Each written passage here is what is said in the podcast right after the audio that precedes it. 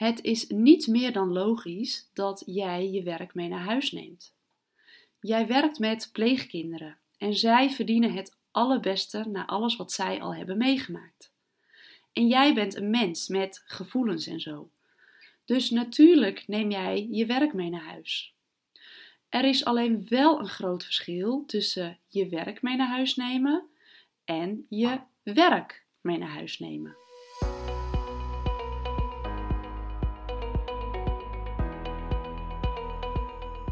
Als een plaatsingstuk loopt of vandaag stond je voor de rechter die een andere visie heeft op het beste voor het kind dan jij, dan is die teleurstelling groot. En natuurlijk neem je dit mee naar huis. Maar als je dagelijks je ik moet nog doen lijstje in je hoofd mee naar huis neemt, als je het gevoel hebt nooit klaar te zijn, als je werk continu in je hoofd aanwezig is, dan ben je niet volledig aanwezig in je gezin en kom je niet tot de nodige ontspanning. En dit is de ongezonde vorm van je werk mee naar huis nemen. En dan ga ik nu drie tips met je delen waarmee jij een grote stap kunt zetten van het meenemen van je werk mee naar huis op de ongezonde manier, die gevolgen heeft voor jou, voor je stressbestendigheid, maar die er ook voor zorgt dat je gezinsleden klagen dat je met je aandacht niet thuis bent, dat je te veel met je werk bezig bent. En dat stressniveau zorgt er vaak ook voor dat je moppert op je gezinsleden, de mensen die je het dierbaarst zijn. En dat wil je natuurlijk niet. Je wil het anders. Maar hoe dan? Tip 1 is een hele praktische. Dat gaat over het indelen van je agenda en van je takenlijst en je e-mail. En mijn advies daarin is om sowieso één agenda te nemen, een online agenda, met zowel je privé als je zakelijke afspraken. Want dat loopt, hoe je dat ook wendt of keert, altijd door elkaar heen. Omdat een tandartsafspraak onder werktijd is bijvoorbeeld, uh, of dat je een, een lekkende waterleiding hebt thuis, dus daar moet je over bellen terwijl het wel je werkochtend is. Dat zijn van die dingen die, die gewoon zo zijn. En andersom heb je wellicht een keer een pleeggezin waar de nood hoog is, waarvan je gezegd hebt: joh, als ik. Ehm, als er iets is, bel me. Het is morgen mijn vrije dag, maar laat me even iets van je horen. Dan help ik je verder. Dus dat loopt door elkaar. En daarom is ook mijn advies: één agenda, zodat je in één keer overzicht hebt ehm, in wat je te doen staat de komende week. En heel belangrijk daarin is ook het opnemen van reistijden als je naar afspraken toe moet, uh, heen en terug, zodat je ook echt goed beeld hebt welke tijd je kwijt bent bij bepaalde werkzaamheden en bezigheden. En wat voor heel veel van mijn klanten goed werkt, is het reserveren van dagdelen voor bepaalde werkzaamheden. Dus bijvoorbeeld je administratie op dinsdagochtend en donderdagmiddag, waarin je al je administratieve werkzaamheden kunt gaan verwerken. Ehm, en de afspraken, eh, belafspraken en bezoekafspraken met je pleegouders bijvoorbeeld op maandag. Ik noem maar wat. Ga ontdekken wat voor jou handig is. En natuurlijk zijn er soms afspraken die echt niet op een ander moment kunnen, terwijl je daar een blok had met andere werkzaamheden. Maar dat geeft je wel het inzicht dat je dat blok dus moet verplaatsen naar een ander moment binnen je werktijd, zodat je daar wel grip op hebt en zodat je wel heel goed weet waar heb ik wel en geen tijd voor. Want als er dan een spoedje tussendoor komt, er komt een leidinggevende die zegt: Kun jij deze week X, Y, Z voor me regelen? Dan heb jij één blik op je agenda en heb je vanuit daar de keuze te maken wat, is het, wat heeft het meest prioriteit? Kan ik hier ja op zeggen? Wat moet ik daarvoor afzeggen? Wat moet ik daarvoor verschuiven? Um, en lukt dat ook daadwerkelijk? Moet ik een afspraak afzeggen? Zo hoorde ik laatst iemand die een afspraak met mij afzei, omdat er een van de pleegkinderen naar het ziekenhuis moest, onverwachts, en ze had beloofd om mee te gaan. Dat zijn dingen die er tussendoor komen, maar op het moment dat je agenda overzichtelijk is en alles staat erin, weet je ook wat je te doen hebt, ehm, wat je af moet zeggen en wat je moet verzetten op het moment dat er zo'n spoedje tussendoor komt. Nou, daarnaast is een digitale takenlijst ook heel belangrijk. Want je kunt in die blokken, bijvoorbeeld een dagdeel administratieve werkzaamheden, daar hoef je niet alles in te omschrijven. Want als je het lijstje niet afkrijgt, dan moet je dat weer gaan kopiëren, knippen, plakken naar een ander blok waarin je administratieve werkzaamheden doet. Een takenlijst geeft je de mogelijkheid om zowel op prioriteit als op onderwerp te gaan uh, indelen. Zodat als jij aan je administratieve taken zit, pak je je administratieve lijstje erbij en zie je precies dit heb ik te doen. En kun je ook meteen scannen, dit heeft prioriteit. Maar op het moment dat je een gaatje over hebt, omdat er een afspraak met jou heeft, uh, dat iemand met jou een afspraak heeft geannuleerd bijvoorbeeld, kun je op basis van prioriteit gaan kijken, wat heeft nu mijn aandacht? En hoef je niet je post-its, je aantekeningen, uh, wat ik ook heel vaak hoor is een WhatsApp aan jezelf, waardoor je een lijstje van taken krijgt en nog ergens op een A4'tje. Dan hoef je niet dat allemaal door te spitten om te kijken, hé, hey, maar wat heeft nu prioriteit? Dat kost namelijk heel veel tijd. Dat is niet een waterdicht systeem. Dat systeem kun je ook niet makkelijk mee naar huis nemen als je zegt: Goh, ik ga een dagje thuiswerken. Dus ga zorgen voor een, een taken-app. Uh, de app die ik daarvoor gebruik is Things. Die heb ik zowel op mijn laptop als op mijn telefoon staan.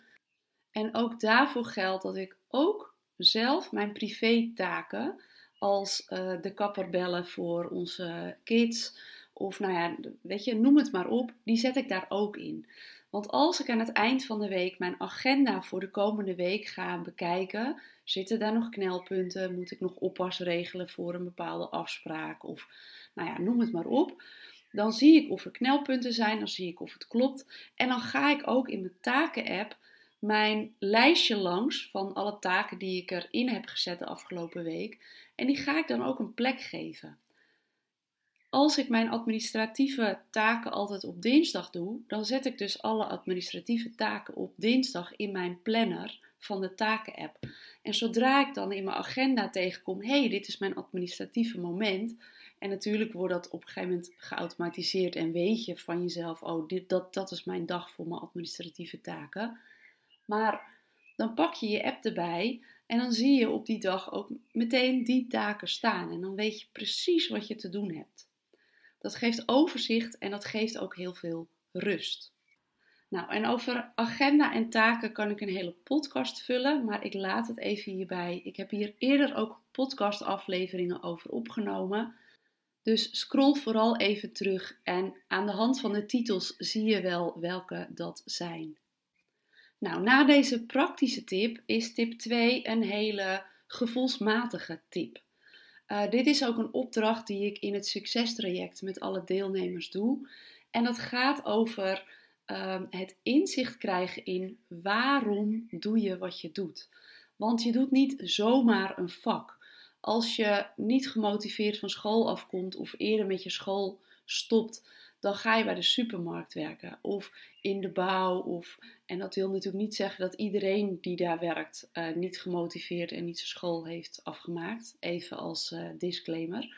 Maar pleegzorg is wel iets specifieks. Daar heb je om een reden voor gekozen.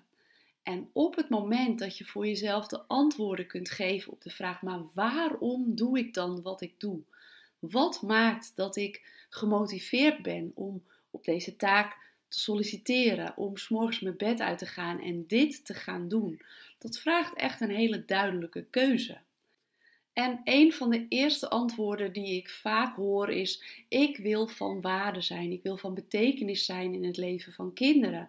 En zeker deze groep kinderen die al een hele geschiedenis achter zich heeft, die verdienen, die verdienen, uh, die verdienen een gezin waar ze veilig en uh, op een, op een leuke manier groot kunnen groeien, ondanks alles wat er al geweest is. Maar het gaat nog dieper. Vraag jezelf dan, waarom vind je dat dan zo belangrijk? En als je dat door blijft vragen, kom je op een veel dieper niveau. En als je op dat gevoel, dat gevoel waarom je dus doet wat je doet, als je daarop kunt aanhaken, omdat je daar inzicht in hebt, dan geeft dat enorm veel brandstof. Dan geeft dat energie, dat geeft een drijfveer om andere dingen, uh, om, om de hindernissen, om de zwaarte die het vak ook met zich meebrengt, maar ook de hoeveelheid werk die op jouw schouder leunt. En ook de maatschappelijke druk die er omheen komt te hangen met wijzende vingers richting pleegzorg als er een keer iets misgaat bijvoorbeeld, dan kun je die hindernissen veel makkelijker overwinnen, omdat je ook weet waarom je het doet, waarom jij doet wat jij doet. Het geeft je tegelijkertijd ook heel veel focus. Want als jij helder hebt, dit is wat ik te doen heb en dit is waarom ik dit wil doen, waarom ik dit zo belangrijk vind. En als je daarnaast bijvoorbeeld je functieomschrijving legt, dan weet je wat je vandaag, wat je deze week, wat je deze maand te doen hebt om die doelen te bereiken. En dat maakt ook meteen heel duidelijk waar je keuzes hebt te maken. Als iemand met de vraag komt: uh, kun je meedraaien in een onderzoek? Kun jij een stagiaire bij je, met je onder je vleugels meenemen? Uh, er is een collega ziek, kun jij er drie casussen bij hebben? Ehm, al dat soort vragen. Of een teamleider die zegt: We hebben een nieuw systeem. Kun jij deze week uh, X, Y, Z invoeren in dat nieuwe systeem, zodat we daarmee kunnen gaan werken? Als jij helder hebt waarom je doet wat je doet, kun je veel helderder grenzen aangeven en nee zeggen tegen dingen die niet leiden tot het resultaat waar jij naartoe werkt. En natuurlijk heb je ook een leidinggevende en heb je een functieomschrijving die maken uh, dat sommige dingen er ook echt wel degelijk bij horen. Maar als dat bijdraagt aan het doel, voelt dat helemaal niet meer als: oh ja, dat moet ik ook nog doen. Dan gaat het veel makkelijker in die flow, omdat je kunt uh, bewegen op de brandstof van jouw diepste waarom doe ik wat ik doe. En deze tweede tip, in combinatie met de kennis die je, uh, wat mij betreft, wel moet hebben over stress, wat stress met je lijf doet, ook onderdeel van het succestraject, brengt jou ook tot een motivatie voor een betere self-care. Want zelfzorg is altijd het eerste ondergeschoven kindje als je een te lange to-do-lijst hebt. Dat is het eerste wat erbij inschiet. Dat is het eerste wat er vaak ook niet eens op staat. Je to-do-lijst op je werk, je to-do-lijst thuis. Je hebt uh, wellicht een gezin, waar een, huishouden, uh, noem het allemaal maar op. Je hebt heel veel dingen te doen en zelfzorg is het eerste wat erbij inschiet.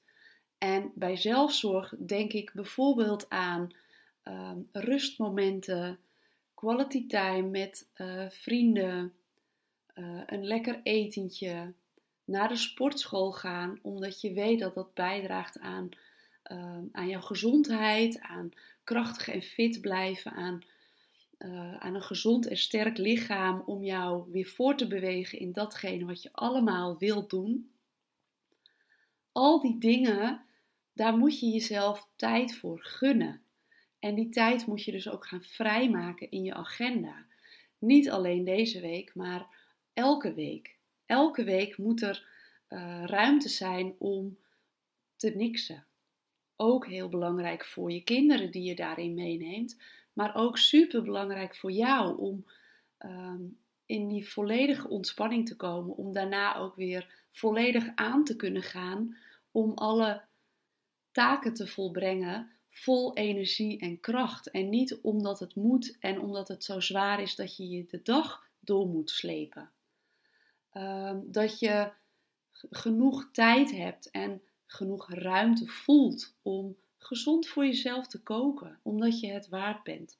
Dus die waarom doe ik wat ik doe, de tip 2, in combinatie met kennis van je lichaam, wat jouw lichaam nodig heeft qua voeding, qua ontspanning, qua verzorging, dat brengt je tot uh, het jezelf gunnen dat je tijd inruimt voor zelfzorg. Voor goed voor jezelf zorgen, omdat je het waard bent en omdat je daardoor ook weer van grotere waarde kunt zijn voor de pleeggezinnen die jij zo graag verder wilt helpen. En tot zover mijn drie tips waar ik aparte opnames van uh, veel, veel en veel meer minuten van zou kunnen maken. Maar ik wil het voor je kort en beknopt houden, zodat je deze podcast ook makkelijk in de auto kunt luisteren als je van, uh, van of naar een pleeggezin rijdt. Wat is de volgende stap? Als jij voelt, oké, hier wil ik meer van, dit is wat ik nodig heb. Ik heb uh, inzicht nodig in uh, werkstress, ombuigen naar werkplezier. En wat ik daarvoor nodig heb, is deze praktische tools in combinatie met uh, kennis over hechting en trauma, die ik in andere podcastafleveringen weer meer naar voren breng. Dan is het handig om een kennismakingsgesprek met mij in te plannen. Ik luister heel graag naar jouw verhaal, naar jouw missie en wat voor jou de belemmeringen zijn, waardoor de vervulling ontbreekt. En ik vertel je in dat kennismakingsgesprek ook wat het succestraject jou kan opleveren. En als dat waardevol voor je blijkt te zijn, ga ik in gesprek met jouw leidinggevende om het succestraject voor jou en je collega's te organiseren. Laten we in gesprek gaan en stuur mij een berichtje. Hieronder in de show notes vind je mijn mailadres en de link naar mijn LinkedIn-pagina waar je me ook altijd een berichtje kunt sturen. En ik kijk er naar uit om je te gaan ontmoeten. Een kennismakingsgesprek is helemaal gratis en vrijblijvend en doen we online via Zoom of Teams, zodat het ook geen extra reistijd voor je oplevert in jouw drukke, ambitieuze agenda.